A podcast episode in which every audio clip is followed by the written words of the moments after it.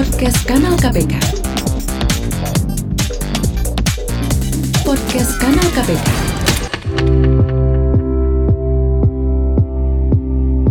Oke.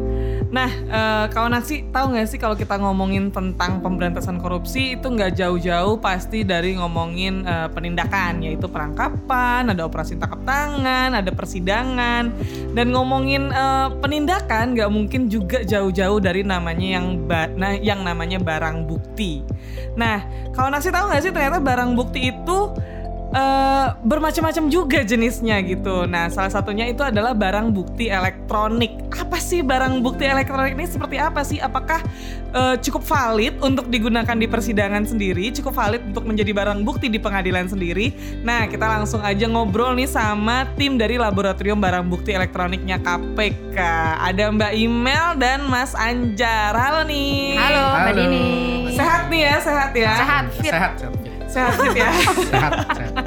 Udah mulai enak ngurusin barang bukti atau gimana ini? Enggak. Masih semangat. Masih semangat Masih ya, semangat. memberantas korupsi. Pasti. Oke siap. Nah Mas, eh, mungkin aku dan mungkin banyak kawan aksi yang lain eh, pengen tahu sebenarnya apa sih barang bukti elektronik atau apa sih laboratorium barang bukti elektronik ini sendiri itu apa gitu?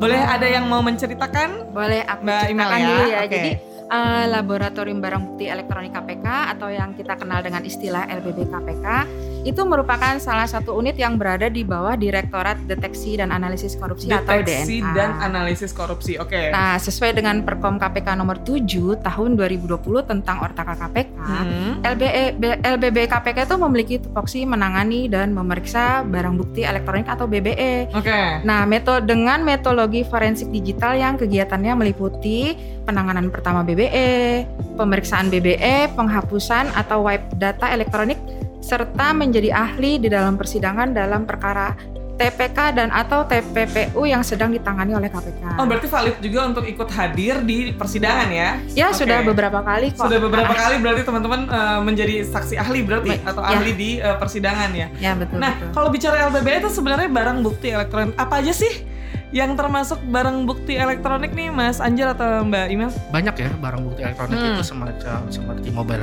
elektronik dari Hmm. handphone, Handphone. tablet, Oke. komputer, flash disk atau media penyimpanan Hmm. seperti eh, komputer itu dalamnya ada hard disk Oke. itu semuanya di laptop pun juga ada SSD itu juga termasuk dari eh, barang bukti elektronik. Yang berbentuk digital-digital Betul. berarti ya. Iya. Oke, wah itu cukup ribet sebenarnya ya kalau penanganannya itu seperti apanya nanti. Betul oh, harus gitu ya, ada prosedur-prosedur. prosedur. ya. Nah, si eh, tim-timnya sendiri ini eh, berarti tersertifikasi atau Hmm. seperti apa nih?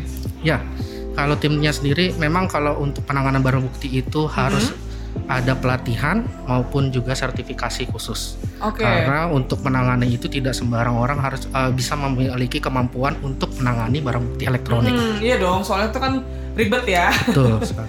Nah, dan mereka juga harus eh, sahih lah berarti Ya, ya, kompetensi-kompetensi yang dimiliki. Nah, kalau laboratorium meter sendiri itu yang dimiliki KPK itu eh, ada hitungan akreditasi atau apa yang harus diraih gitu nggak sih? Eh, ya, jadi eh, LBBE KPK itu telah mendapatkan akreditasi ISO 17025 dari KAN tahun 2021 Oke. nih Mbak Dini. Ah. Jadi kita punya lima ruang lingkup layanan yaitu eh, penanganan pertama BBE, kemudian akuisisi atau ekstraksi data, recovery atau ekstraksi data khusus, kemudian analisa untuk pendapat ahli dan sterilisasi data.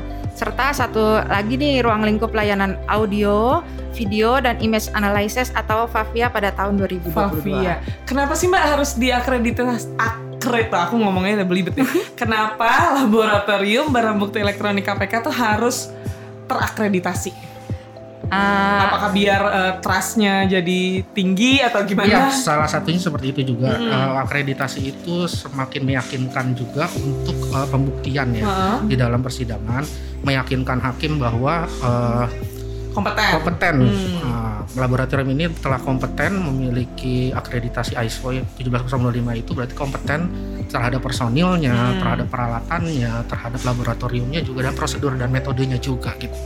Oh gitu. Nah berarti kalau misalnya laboratorium barang bukti elektronik berarti yang ditangani hanya tindak pidana korupsi atau seperti apa nih?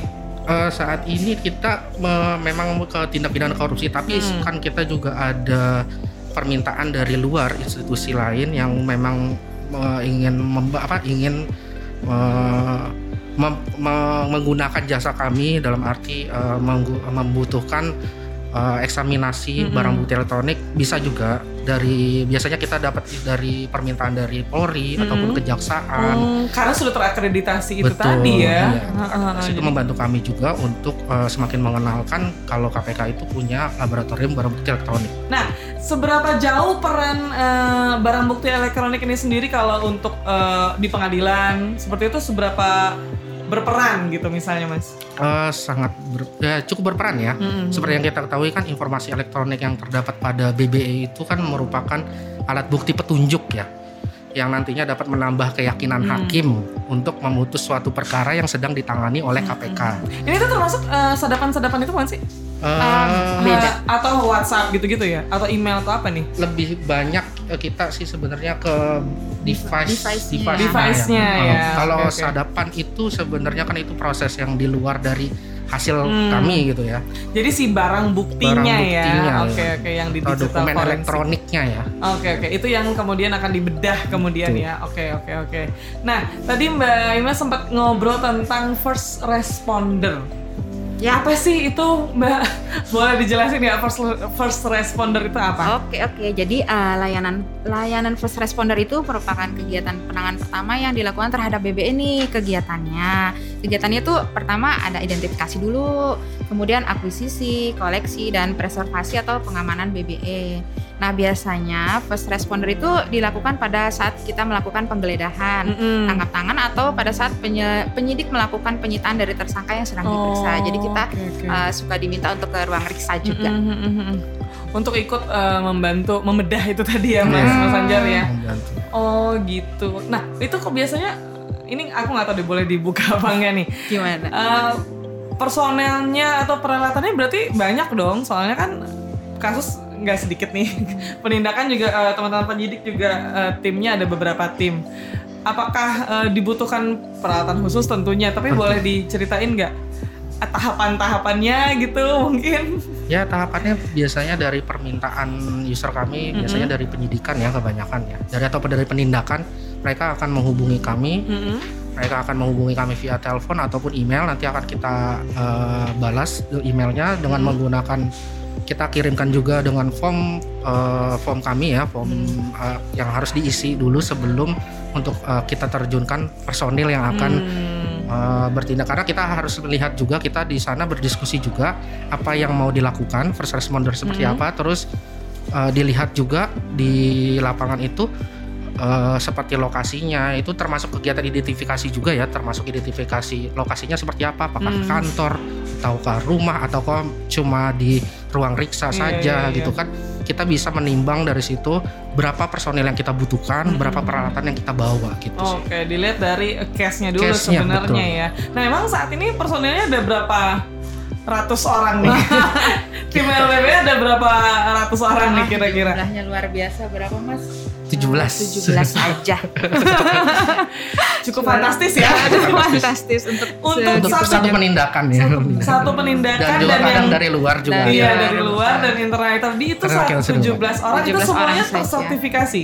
semuanya sudah, Sudah terverifikasi Berarti semuanya sudah memiliki kompetensi untuk yang seperti tadi disampaikan ya menjadi ahli Betul. dalam persidangan, ikut membedah barang bukti elektronik dan, eh, secara digital forensiknya gitu. Susah nggak sih? Berarti Mas Anjir sama Mbak Ima udah tersertifikasi dong? sudah Kita Susah sudah tersertifikasi. Susah nggak Mas? ya kalau dibilang susah tergantung dari kemauan dan ke- itu ya uh, Susah passion nggak? ya. Susah? Udah gitu aja. Ada yang susah mbak. Ada yang susah. yang ada, yang beberapa yang memang harus dibutuhkan kemampuan teknis dalam arti kayak uh, yang benar-benar teknis Mm, banget. Kita nggak uh, nggak semua orang bisa. Ada juga kayak seperti metode chip off itu hanya orang-orang tertentu yang bisa ya. Mm, itu main chip off itu kebenaran hanya Pak Hafni yang di tempat Mm, kita yang hanya bisa. Terus untuk metode-metode lain tuh banyak. Karena eh, digital elektro apa barang bukti elektronik itu kan sekarang itu semakin berkembang ya mbak ya. Iya. Penanganannya juga banyak gitu sekarang kan digital begitu banget gitu Betul. kan. Semakin tahun pasti otomatis kompetensi teman-teman juga semakin harus terus Di- harus ya. terus betul. di-update ya, iya, Betul, benar, harus benar, benar. juga. itu yang susah itu tadi. Sangat sangat susah. Sangat susah. Ada eh, ini nggak sih kayak suka dukanya menangani menangani barang bukti elektronik gitu?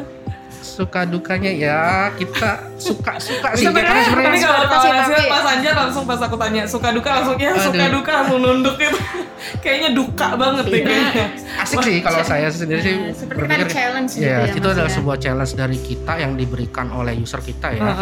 Dalam arti eh, terkadang penanganan kasus mereka kan butuh suatu bukti petunjuk yang mereka se- sebelumnya mungkin entah buntu entah Hmm. belum ketemu terkadang itu challenge dari kita nah dari kita ini tantangannya itu mencari segala sesuatu dokumen elektronik yang berkaitan dengan kasus Mm-mm. kalau ketemu itu udah wow banget ya buat kita Oh, udah ketemu tuh kayak udah langsung lega, ada Iya, sedikit iya, ada kelegaan ya sangat- Mas sangat ya. membantu. Dan terutama juga perlu digarisbawahi juga kan eh, dokum eh, barang bukti elektronik itu kan Mm-mm. sifatnya mudah rentan ya, Mm-mm. mudah berubah. Mm, mm, mm, Kalau mm. tidak ditangani dengan prosedur maupun personil yang tersertifikasi. Betul, gitu. belum kalau rusak Betul. ya. Heeh, Data jadi itu hilang berubah, tuh makanya- barang bukti. Ya itu yang perlu ditekankan penanganan barang bukti elektronik itu di penanganan pertamanya itu sangat-sangat dipentingkan ya, sangat-sangat dibutuhkan.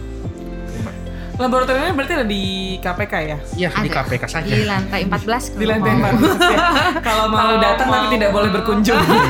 tidak boleh masuk ke lihat-lihat. dalam. Nanti setelah kita renovasi mungkin boleh. Boleh ya, Boleh. boleh ya, lihat-lihat ya. Kita lagi renovasi saat ini. Nah, sebenarnya harapan ke depannya apa sih? Bukan harapan dulu deh. eh, ke depannya apa nih nextnya? Apakah mau menambah sertifikat lagi? Apakah mau meningkatkan akreditasinya lagi? Apa seperti apa nih di tahun 2023 ke depan deh gitu? Ya kita memang ada rencana ya planning ke depannya itu terutama untuk menjaga konsistensi dari ISO. ISO itu kan juga harus tetap di maintain ya. ISO kan juga terus updating iya, Iya terus ada kan? dan setiap beberapa tahun itu juga akan di eh, apa namanya di, di- Tinjau ditinjau kembali Mm. oleh kan ya komite komite akreditasi nasional apakah kita tetap menjalankan sesuai dengan yang pernah Ah. terakreditasi atau tidak. Terus yang kedua kita akan menambah peralatan juga namanya juga- Personil mungkin yang personil eh, sangat-sangat sih sangat-sangat dibutuhkan. ya personil ayo kita ayo. berharap juga personil ditambahkan karena beban pekerjaan kita semakin besar juga. Iya dong, Jumlah- mengingat tadi ya yang hanya bertujuh belas Bertujuh hanya belas.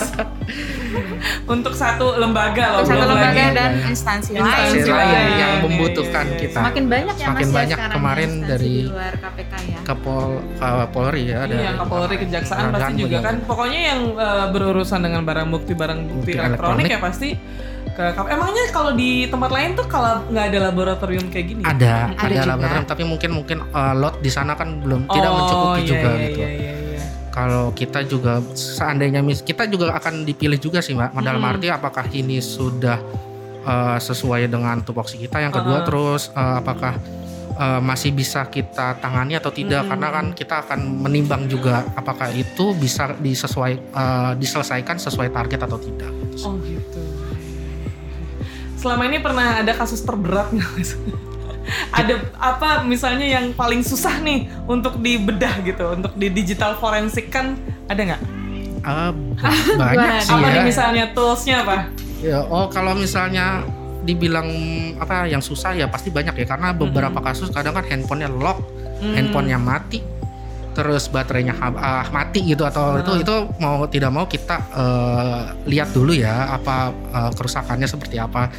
Sebisa mungkin kita maksimalkan akan kita coba usaha Iya, dan iya. kebenaran juga kita ada peralatan yang eh, saat ini kita sudah bisa beberapa ya eh, membuka handphone yang terlock. Semoga Hmm. ke depannya kita akan terus upgrade Iya, peralatan iya, iya. dan eh, skill kita juga ya. kompetensinya, juga, juga. terus diupdate ya. Jadi walaupun handphonenya sama gitu ya, Mm-mm. itu tuh perlakuannya bisa berbeda. Bisa gitu ya. berbeda, bisa betul. berbeda, bisa menggunakan metode yang berbeda Oh juga. gitu, walaupun satu merek nih ya? Iya, satu merek oh betul. gitu ya. Bisa berbeda. Kalau ke kunci, aduh ribet banget sih memang kan nggak mungkin juga kita minta nomor Iya. passwordnya apa segala macamnya ya ya ya ya nah ini eh, pertanyaan terakhir. Eh, bagaimana sih eh, tim barang buk- tim laboratorium barang bukti elektronik KPK ini kemudian bisa menjamin untuk terjaganya integritas data sehingga nggak bisa disalahgunain nih di pengadilan?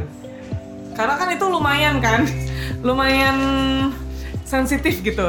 Sehingga nanti bisa aja disalahgunain. Nah gimana caranya menjamin eh, integritas itu gitu Nah, kalau untuk menjamin integritas data di dalam BBI itu eh, bisa dengan menghitung nilai hash atau mendokumentasikannya nih. Jadi Hmm. waktu saat kita menerima dan kemudian akhir setelah kita kembalikan ke penyidik itu harus ada fotonya juga dokumentasinya saat Hmm. diterima seperti apa. harus terj- terdata ya Iya, harus Hmm. terdata. Terus habis itu eh, nilai hash itu tuh eh, merupakan identitas dari setiap dokumen nilai elektronik. nilai apa mbak maaf Nilai Hash. hash. nilai hash Hash. itu apa hash hash itu semacam kode. Oh.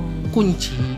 Kalau kita bisa bilang itu dia kayak eh, key code ya apa ya istilahnya. dari setiap Dari barang, setiap gitu ya. barang. oh. Dia itu memiliki bahasa komputer eh, eh, bahasa yang panjang. Dia mau sudah kalau pasti saya tidak mengerti itu.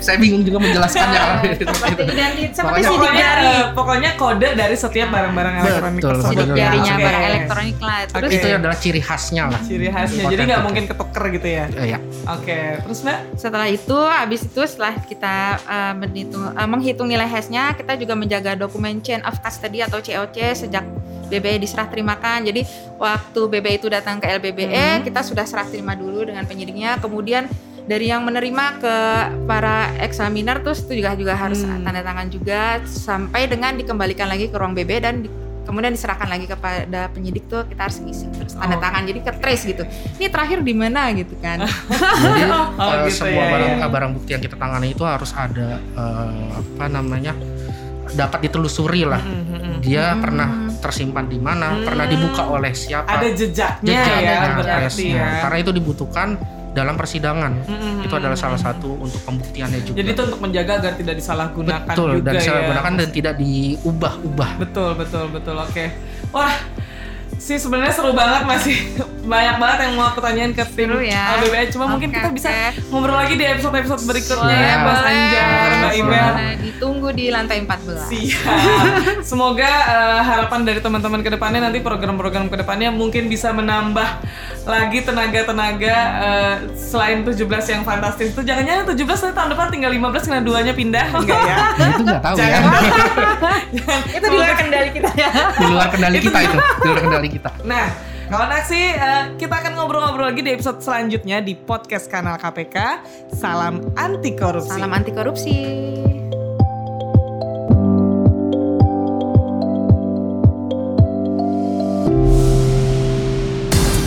Podcast Kanal KPK. Podcast Kanal KPK.